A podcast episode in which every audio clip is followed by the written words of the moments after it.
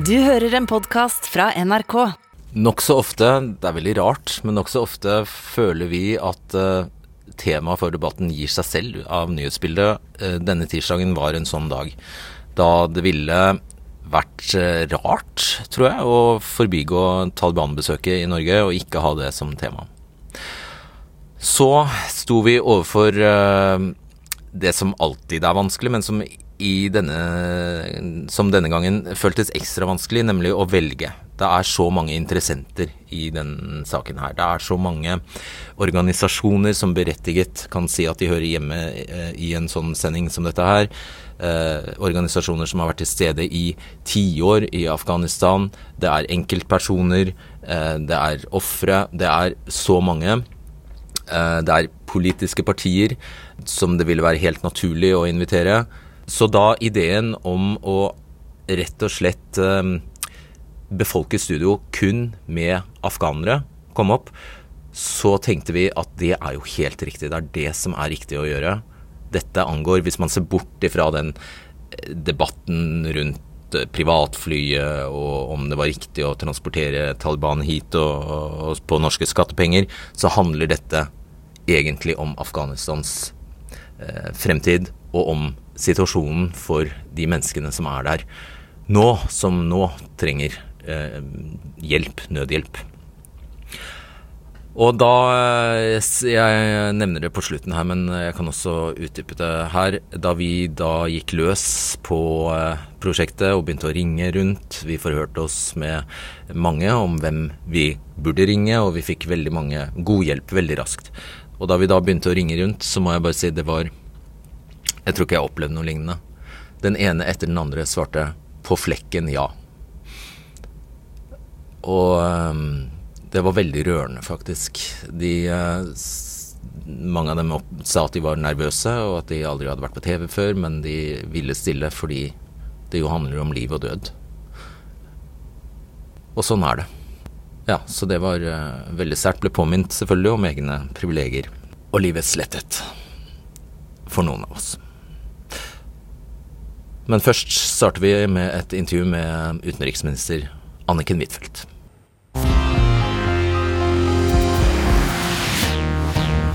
I 20 år var Taliban Norges fiende i Afghanistan. Den kampen kostet tolv norske liv. Vi nedkjempet Taliban, Taliban plyndret Nato-militærleire, og Taliban plyndret den norske ambassaden. Noen uker etterpå sitter Taliban på et norskchartret privatfly til Oslo. Plutselig er de her. Og så fort gikk det at pårørende ikke engang ble varslet. Nå sitter Taliban her oppe i Holmenkollen, og nå skal vi ha samtaler med dem. De som var våre fiender i går. Du kan delta i debatten på nrk.no. Årsaken til at de sitter der, er at ni millioner uskyldige mennesker, én million barn, risikerer å dø av sult.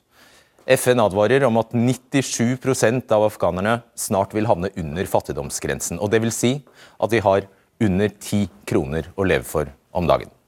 En sekk med hvete koster 250 kroner, en liter bensin 8 kroner. Og Etter at Vesten trakk seg ut i august, er hele økonomien i krise. Folk får ikke lønn, internasjonal bistand har stanset opp. Velkommen, utenriksminister Anniken Huitfeldt. Ja, jeg sa dette sånn at du skal slippe å bruke masse tid på å forklare hvor prekær den humanitære situasjonen er i Afghanistan, og i stedet svare oss på eh, spørsmål om dette møtet på Soria Moria. Hvorfor tok, eller tok Norge initiativ, og hvorfor er dette møtet i Norge? Det er fordi vi har veldig lang erfaring med sånne prosesser. Hvor vi får partene til bordet, og hvor Taliban for første gang siden maktovertakelsen skal møte representanter for kvinneorganisasjoner og menneskerettighetsaktivister. Og Det mener vi er veldig viktig. I tillegg så skal de da ha møte med USA, Tyskland, Frankrike for å sikre at humanitær hjelp kommer inn til den afghanske befolkninga. Tok vi initiativ? Ja. Og Det er det vel mange som stiller spørsmål ved. Det er det ikke noen andre som kan arrangere sånne møter? Og da er det Svaret på det er at Norge har gjort sånn i mange år. Vi har snakka med Taliban i årevis. Ehm, vi har ikke noe tiltro til at alt de sier til oss her, gjennomfører de. Men det som er spesielt da, når Norge driver fred og forsoning, er at de må møte vanlige folk. Og det er ikke noe selvfølge hvis det hadde skjedd i et annet land. Og Det er også første gang de sitter ansikt til ansikt med veldig tøffe aktivister som har mista sine aller nærmeste fordi at Taliban har gått til angrep på dem. Og de sier at, eh, Men altså, det afghanske folk er jo delt. Noen sier og ønsker at vi skal tilrettelegge for sånne samtaler, og det mener vi er viktig. Ja, og som vi skal høre snart, andre mener det er avskyelig. Mm. Ja. Eh, din statssekretær Henrik Tune har sagt at sikkerhetssituasjonen gjør at det ikke er mulig å avholde et sånt møte i Afghanistan nå. Eh, det er jo Taliban som styrer Afghanistan nå. Er det virkelig ikke mulig for Taliban å da sørge for at det er sikkert f.eks. på flystripa eh, for at stormaktene, USA, EU, Af eh, eh, Frankrike, at de kan møtes i, i, i Kabul f.eks.? Jo, kanskje noen fra disse landene kunne møttes der. Men en del av de aktivistene og kvinnene som møter dem her, kunne aldri dratt dit. Den nærmeste flekken, eh, tilgjengelige og fredelige flekken eh, utenfor Afghanistan er jo ikke Norge, det er f.eks. Doha i Qatar. Hvorfor ikke der? Det er nok en del som ikke hadde følt seg trygge der også, og da hadde ikke vi hatt regien på møtene. Vi har jo hatt regien i den forstand at de for første gang har sittet seks timer sammen, eh, menneskerettighetsaktivister og andre fra Afghanistan. Og det har vært veldig viktig for oss. Så det kunne nok vært et møte mellom USA og Tyskland og EU og Taliban. Men at de må møte og starte opp en eh, samtale med sine egne, det tror jeg ikke kunne skjedd så veldig mange andre steder. Det kunne jo skjedd på Teams eller Zoom? Ja, men da er det noe annet. Og det er mye lettere å snike seg unna forpliktelser også. Så kommer jo også Taliban med en del bilder ut, og de forsøker selvfølgelig å spinne dette som et PR-stunt for dem. Eh, vi har jo ikke noe særlig tro på at det fører fram. Nei, Skjønte du at de ville komme til å gjøre det? Ja, og at de forsøker å fortelle det afghanske folk at de har nå fått tilgang.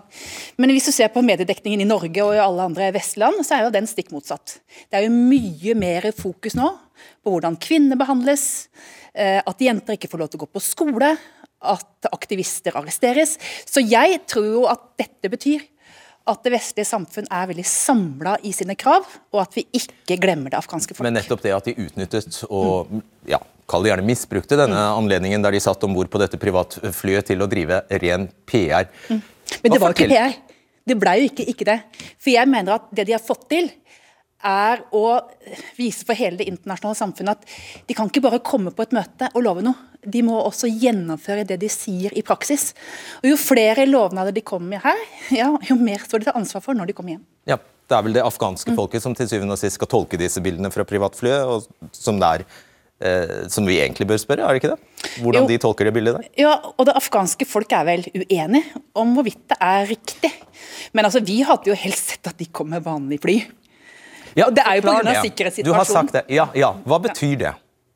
Ja, Det betyr jo at vi kunne ikke gjennomført dette møtet på en annen måte. og Det har vi gjort med terrorgrupper før. Så du, Da du satt der i departementet og vurderte hm, skal vi sende dem med privatfly og risikere at de tvitrer et bilde som ser ille ut for den norske regjeringen, eller er det verdt det? Hvordan tenkte du da? Det er ikke jeg som har vurdert det.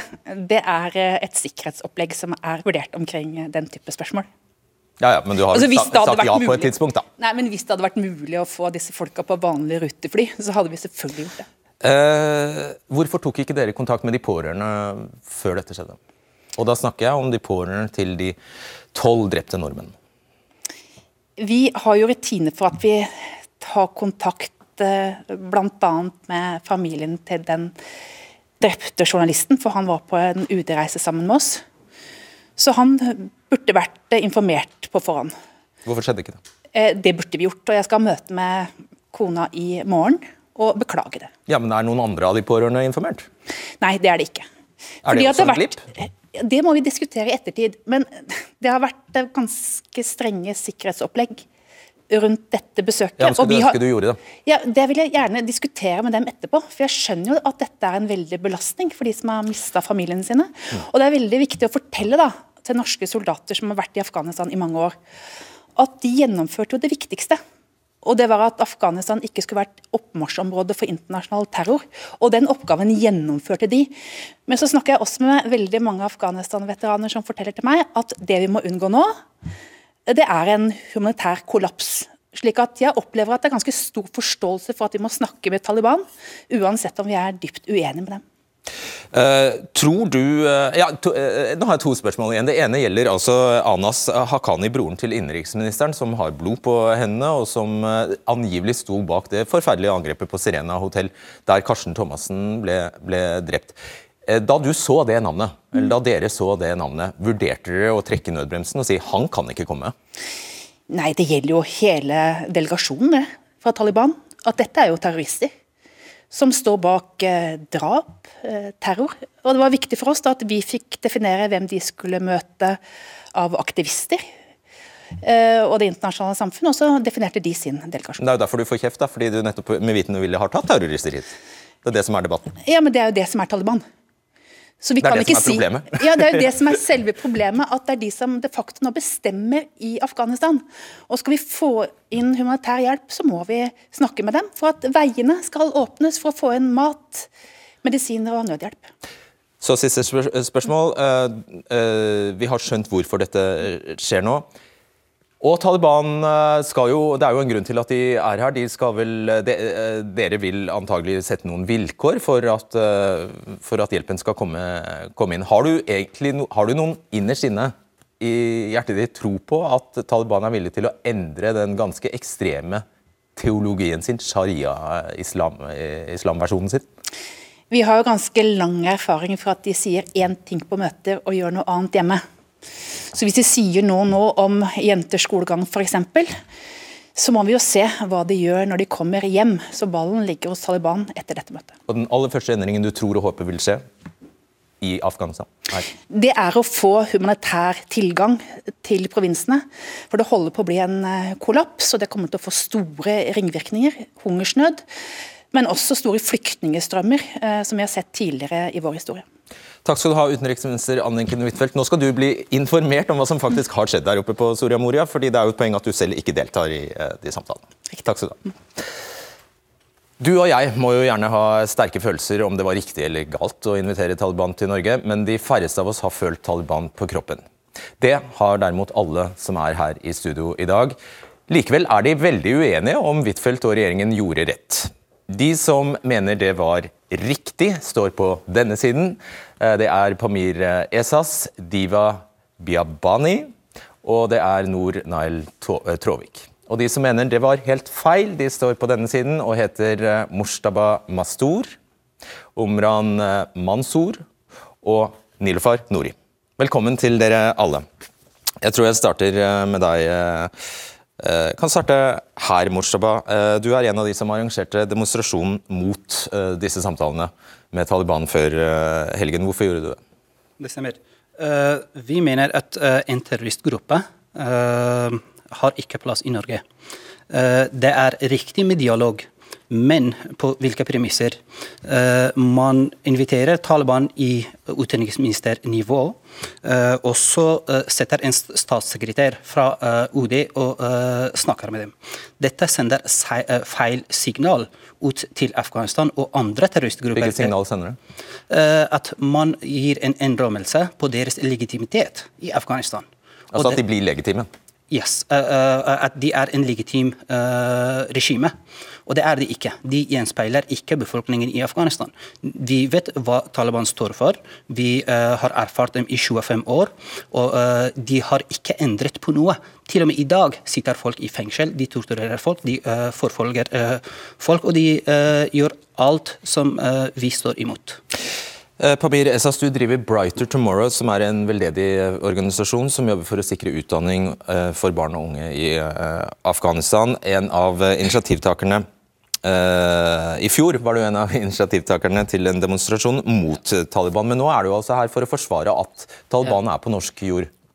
Forklar. Ja, det er ikke med et lett hjerte. Og jeg tar sterkt avstand fra alt de representerer. Eneste grunn til jeg står her i dag og ikke på motsatt side, er av tre enkeltgrunner. Det ene er den humanitære krisen, hvor millioner av mennesker kan dø av sult. Det andre er for å kunne styrke om rettighetene til minoriteter og kvinner. Og det tredje er for å avverge at hele staten kollapser og faller inn i ekstrem fattigdom. Og på et personlig plan ut fra det jeg erfarer, ut fra det jeg har sett, så puster den alminnelige eh, afghaneren om, om, håp, om fred, og at deres barn ikke skal måtte gå gjennom de samme lidelsene de har gått gjennom. Og For å sikre det, så er den ukomfortable realiteten at vi må inngå dialog med Taliban. Jeg skjønner. Omran Mansour, du er jurist og rådgiver i Utlendingsnemnda. I pressemeldingen regjeringen sendte ut så står det eh, om samtalen med Taliban, så står det vi legger til rette for slike samtaler. Det at vi legger til rette for slike samtaler, er nettopp ikke en legitimering av Taliban, står det der. Det er du uenig i? Ja, uavhengig av hva regjeringen sier, så vil dette her utad se ut som en uh, anerkjennelse av Taliban. Og Det er også når uh, statssekretæren uh, skal møte, ha hatt møte med Taliban. Og Uavhengig av hva vi sier vår hensikt er, så vil Taliban bruke dette her. og Utad så vil det se ut som en anerkjennelse. Og jeg mener at, eh, jeg mener at eh, og, nei, forhandlinger og dialog i seg selv er jo ikke feil. Det er måten, det er rammene rundt, og at norske myndigheter ikke har satt noen som helst tydelige, og, uh, tydelige krav for Taliban, og hva, hva, hva, og hva, de har tenkt å kreve når Taliban kommer hit. Det er veldig vagt og bare løse ord. Greit. Diva Biabani, du kom til Norge i 1999 som flyktning, utdannet sykepleier og, og jordmor. Og du mener dialog er den eneste veien å gå? Absolutt. absolutt. Eh, jeg tror på dialog, og dialog har historie. Det er Nelson Mandela og Gandhi som har bevist det, at dialog har en historie og en konfliktløsning. Alle slags konflikter. Eh, selv om de, Taliban, hvem de er og hva slags gruppe det er. Jeg prater ikke om politikk, og jeg er ikke en politiker. Eh, men man må vise respekt, og respekt er den eneste starten for dialog også. Jeg setter kjempestor pris på Norges initiativ. Norge har tatt en kjempefin initiativ. Norge er en fredsland, og de har bidratt med at de skal uh, styrke, eller styrke dialog. Og den er en veldig bra skritt. Nilefor Nori, du er student her i Oslo, men du har tidligere gjort deg bemerket som landets yngste ordførerkandidat. I 2019 stilte du til valg for SV i Hadsel i Vesterålen. Eh, som ordførerkandidat. Det er ikke derfor du er her nå. Men eh, ja, du er, du er, født i Afghanistan, kom til Norge som eh, liten da du var åtte år. Hvorfor er det feil av norske myndigheter å invitere Taliban hit? Av de samme grunnene som allerede var nevnt. Jeg mener ikke at man skal invitere terrorister rundt et forhandlingsbord. Hvis dialog hadde fungert, så hadde det fungert de siste 20 årene mens Nato hadde vært i var i Afghanistan og aktivt prøvde å bli enige om en fredsavtale med Taliban. Eller før Nato i det hele tatt gikk inn i Afghanistan i 2001. Men eh, vi vet, eh, også historien har også bevist, at Taliban er ikke med på dialog. Det de prøver nå, er å holde opp en fasade om at de har endret seg fra slutten av 90-tallet, og det er bare eh, symbolikk og ikke praksis. Bare symbolikk, ikke praksis? Ok. Noor Tråvik, du vokste opp i Afghanistan, kom til Norge som 13-åring og jobber i dag som tolk og um, kulturveileder. Har lang tid, fartstid i Afghanistan-komiteen uh, også. Eh, hvorfor er det Hvorfor er dette feil? Altså, jeg syns ikke det uh, Altså mine afghanere på andre siden sier er feil, fordi at bildene er veldig ferske. Og det er Jeg føles som salt på såret, og det forstår jeg. Og jeg forstår veldig godt at veldig mange afghanere er provosert. Men hva er alternativet? Krigen er tapt. De kommer til å være der, i Afghanistan. Og at uh, vi har ikke noen annet alternativ. Samt det er jo helt fantastisk at disse kvinner som har vært i dialog med de, de sier at deres politikk og ideologi er i strid til hva vi ønsker. Men dette sier du altså da du selv, selv om du selv var ung kvinne og ble kastet ut av Taliban? Det, det, stemmer. Jeg reiser til Afghanistan på vegne av Afghanistan-komiteen, Norsk Afghanistan-komité 1996, og var i møte med 40 menn i Ghazni, uh, og mange av de var Taliban. Og når jeg først spurte dem om at uh, i møtet så er det kvinner eller kona til profet Mohammed deltok i møter, så hvorfor nå stenger dere skoler og sykehus for uh, kvinner, så ble jeg bedt å gå ut. Og derfor kasta de meg ut av møtet. Det er korrekt, men allikevel, jeg tenker vi er sjakkmatt. Krigen er tapt. USA og, og, og Nato har tapt slagene. Ok, Nori og så Mansour. Ja, eh, jeg mener at det finnes absolutt andre alternativer. Den viktigste jobben Vesten kan gjøre, spesielt Norge, som jo en, hadde en rolle i Afghanistans konflikt gjennom å ha vært med i Nato, er å sette press og tvinge Taliban. F.eks. gjennom å sanksjonere Pakistan, som er Talibans største eh, støttegruppe. Eh, og gjennom tvang skal man sikre menneskerettigheter. Og menneskerettigheter skal ikke forhandles om. Man skal ikke si du får økonomisk støtte hvis du til gjengjeld skal gi grunnleggende menneskerettigheter og kvinnerettigheter i, Afgan kvinner i Afghanistan rettigheter de trenger.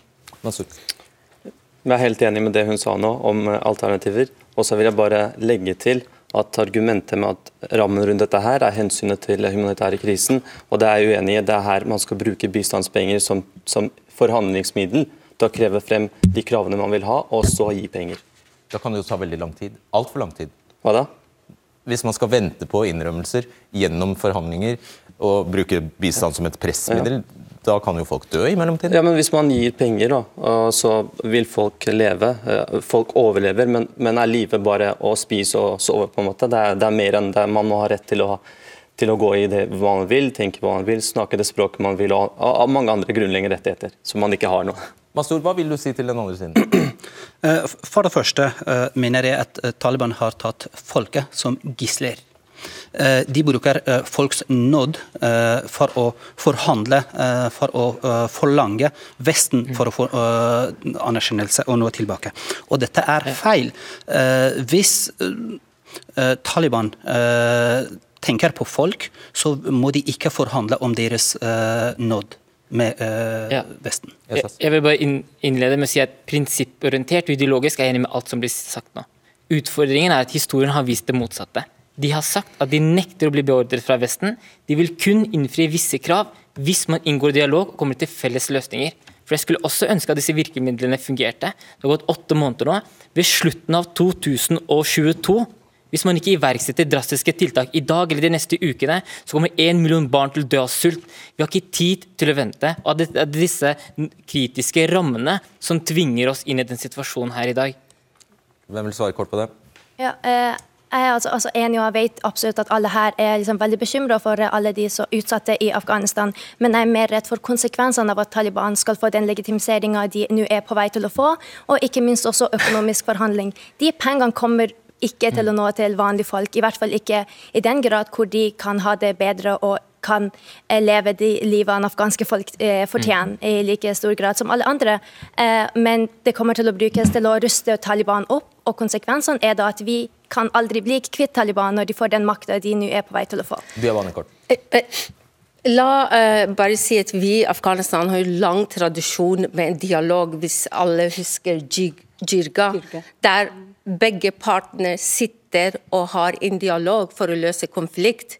Og det trenger vi nå i Afghanistan. Jeg er helt enig med dere. Alle etniske grupper bør tas inn med i sentralmakten, men la oss ikke glemme at vi har tradisjon for dialog og jirga. Nå blandet jeg det. Beklager det, tror vi ikke Biabani nå. Du, du, sier at du kunne ha reist til Afghanistan, om så i morgen? Eh, absolutt, jeg er helsepersonell. Og helsepersonell har ikke noe problem fra min ståsted eller fra min forståelse. Taliban kan ikke hindre meg, fordi det er behov for folk. Jeg skal tjene mennesket. Men er det, ikke det, jeg tror, er det ikke det mange ikke skjønner? At hvis det er som Taliban da sier, at her er det, det er ingen, ingen hindringer i veien, her er bare å komme Eh, hvorfor trenger de å være her for å forhandle da? Eh, eh, det, er, det, er, det, er, litt vanskelig å svare på det, men det er, man må skille at Taliban er resultat av den 20 års krigen i Afghanistan per i dag. Vi må ikke glemme det. Så Det er de som bekymrer, så de vet at Taliban er dem sin resultat også. Svar veldig kort mens vi får inn Jeg skal svare på det forrige spørsmålet hvorfor det må finne sted her i Norge. Fordi man har tømt alle andre tiltak. Eh, USA har gått i som parade og legitimitert Taliban gjennom disse Doha-forhandlingene. Man har prøvd å ha forhandlingene i Pakistan, Iran, Russland, Kina, Qatar. Dette er ikke akkurat land som er menneskerettighetsforkjempere. Skal vi sikre at kvinner står rett overfor Taliban som likestilte parter? Uheldigvis vil ikke våre allierte gjøre dette pga. den politiske skaden, så vi er tvunget til å gjøre det i Norge. Og Det syns jeg er en modig avgjørelse av UD å gjøre. Uh, En sjokkert verden trodde jo ikke sine egne øyne da Taliban inntok Kabul 15.8 i fjor, etter at USA og Nato trakk seg raskt ut og desperate mennesker klamret seg til de siste flyene som tok av fra hovedstaden. Vi husker disse forferdelige bildene. Yama Wolosmal, du er vår Midtøsten-korrespondent og er hjemme i Norge nå. Vi starter med et kart over uh, Afghanistan, tror jeg, uh, som altså Det er dog på engelsk, men jeg tror vi skjønner det. Dette er de etniske gruppene i uh, Afghanistan. Hva forteller det oss? Dette kartet kunne på fordel vært litt mer oppdatert, jeg må ta det forbeholdet, men det dette viser er hvorfor det er så vanskelig å styre et land som Afghanistan. Her ser vi et lappeteppe av etniske grupperinger som tradisjonelt har stått mot hverandre. Det er sterke motsetninger, sterke følelser. Det ser vi her i dag i studio. Eh, og Det viser også at det at Taliban klarte å ta landet på så kort tid Og Taliban tilhører ofte kommer, eh, har utspring Sørlige delene, det er der de, de har sitt utspring. Ja. Men det at de denne omgang klarte å ta landet på så kort tid, viser at de også har hatt støtte hos de andre etniske grupperingene. De hadde ikke hatt sjans til å overta hele Afghanistan hvis de ikke hadde hatt grasrotstøtte, også hos grupperinger som tradisjonelt ikke har vært en del av deres rekker. Og det er nytt siden sist? Det er, det er helt nytt. Så er det mye snakk om at jenteskolene skal åpnes men osv., at kvinner skal få utdanning igjen. Men i et intervju med VG sier Talibans talsmann i dag faktisk at eh, de bare kan gå med på krav eh, som ivaretar islamske verdier. Er det noen grunn til å tro at eh, Taliban har endret det de oppfatter som islamske verdier siden sist? Det første er jo at Taliban har en ganske forstokket tolkning av islam. og Det er de ganske alene om. Det fins over 50 muslimske land i verden. Taliban har den mest ekstreme tolkningen av de religiøse tekstene. Eh, selv land de har latt seg inspirere av, Saudi-Arabia, er i ferd med å åpne opp. Der er det åpne konserter, Justin Bieber blir invitert, mens Taliban har forbudt musikk etter inspirasjon fra saudierne. Så det er det første. Eh, det man kan si er forandringen hos Taliban, er jo at sist så så vi at de åpent kuttet hender på tyver. De steinet folk i den største fotballstadion i Kabul. De halshugget folk. Eh, var, eh, du ble banket opp hvis ikke du hadde langt nok skjegg. Du ble banket opp hvis ikke du ba da det var bønnetid. Kvinner ble banket opp fordi de ikke hadde burkaen på.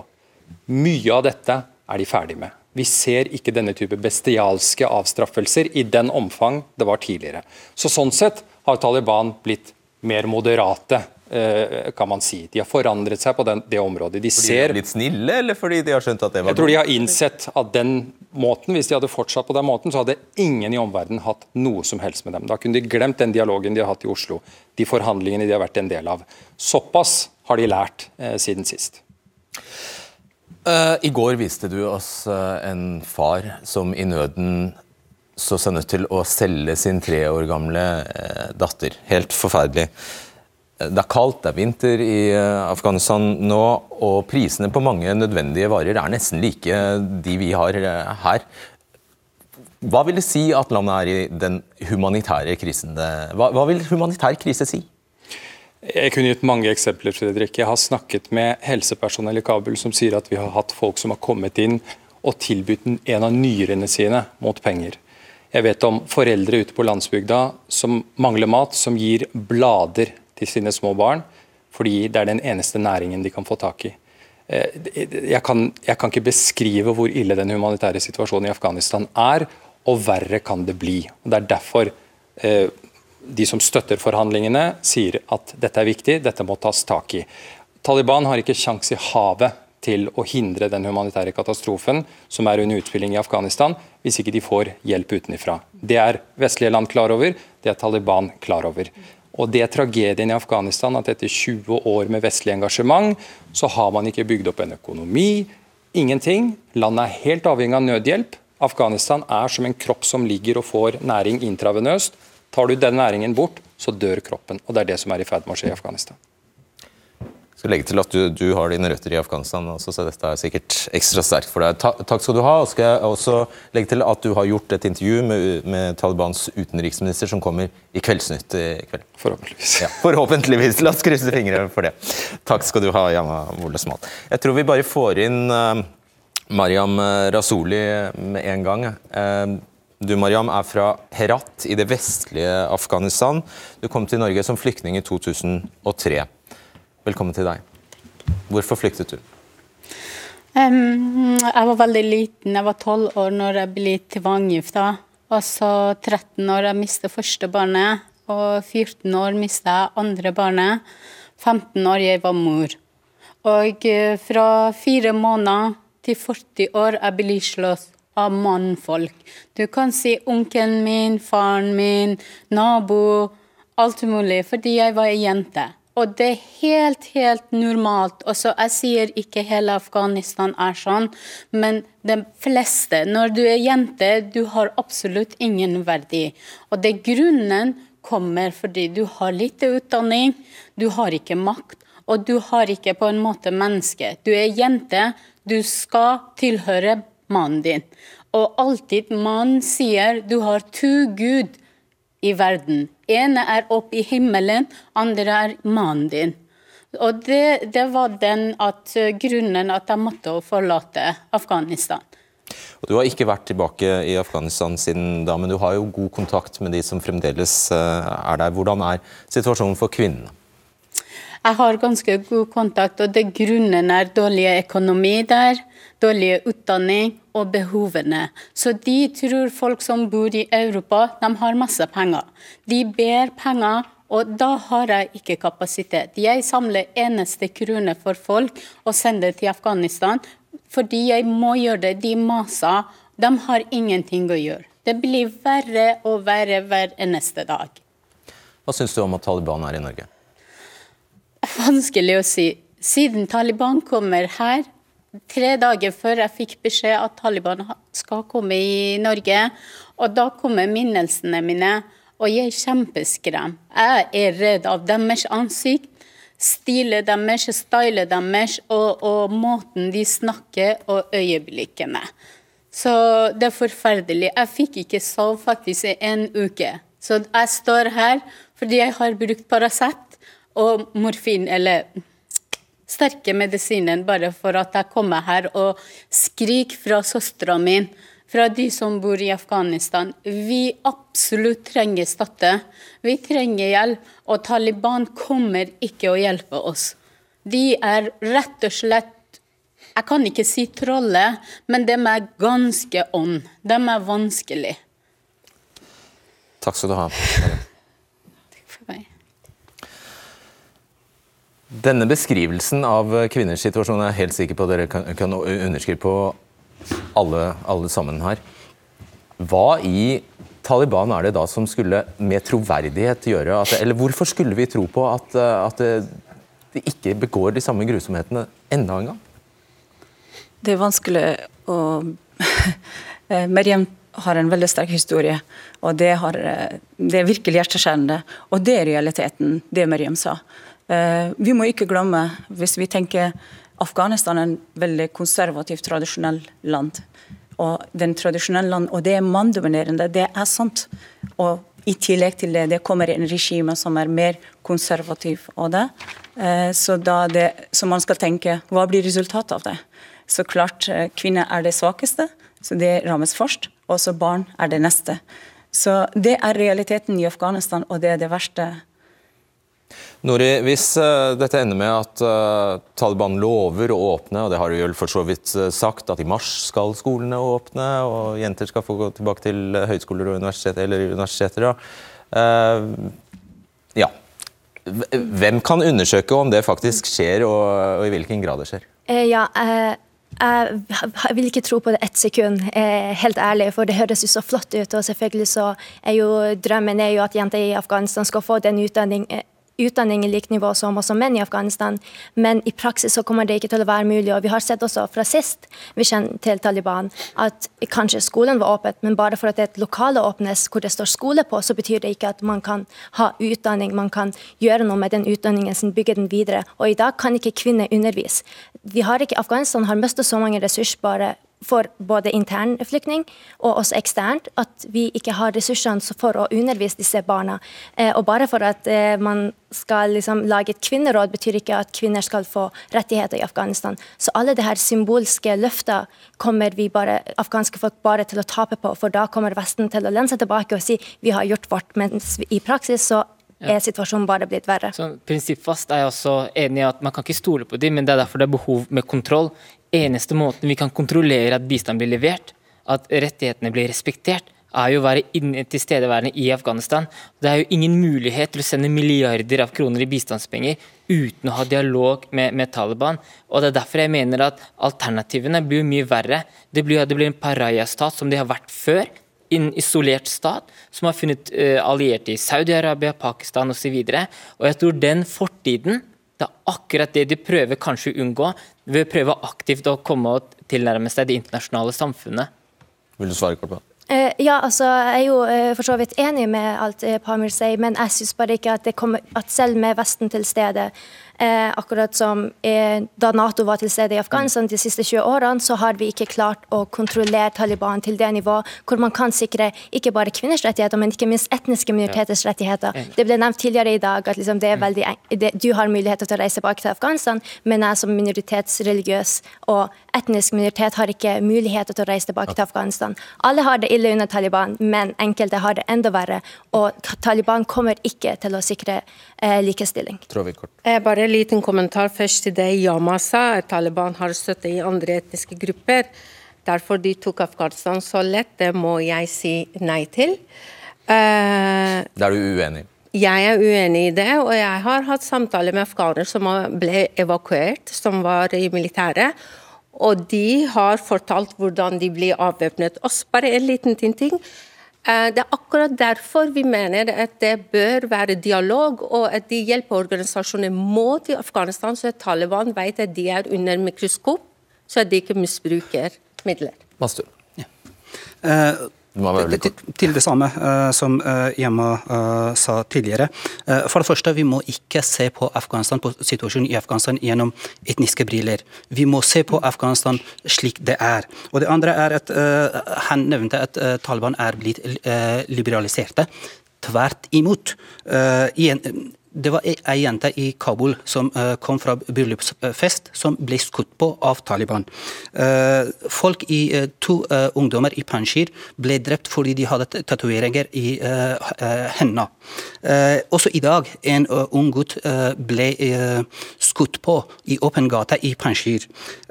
Hendelsene i Hirat, glemmer vi det? Eh, det var henrettelser av eh, to personer i Herat og hang i eh, åpen gate for noen måneder siden. Så jeg lurer på hvor liberaliserte er de blitt? Ok, Jeg tror det spørsmålet må få henge i lufta. Og vi kommer jo Vi finner jo ikke svar på det i kveld uansett. Tiden er omme, beklager det. Da, jeg skal bare legge til, da vi ringte rundt til, til dere og spurte om dere ville stille, så sa alle som en umiddelbart ja. Og eh, Ja, det gjorde dere fordi det er en så viktig sak for dere. Så, så takk for det. ja. Du kan se intervjuet til Yama i Kveldsnytt. Takk for at du står på, og takk for at du engasjerte deg på nrk.no.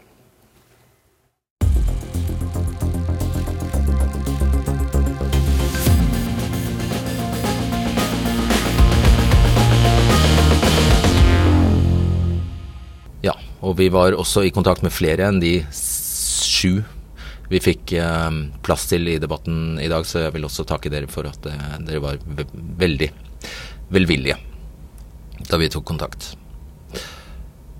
Man merker jo at 35 minutter ofte kommer helt til kort, at det er altfor liten tid. Men eh, sånn er det. Det er de rammene vi har, og uansett så hadde vi ikke løst problemet. Ja. Dette har vært en uh, sterk dag på jobb, må si det. Og når de sier at landet og folket er sjakkmatt, så er det vel kanskje en ganske presis beskrivelse, og det er jo ikke til å holde ut. Så ja, sånn er det. Takk for i dag. Du har hørt en podkast fra NRK. De nyeste episodene hører du først i appen NRK Radio.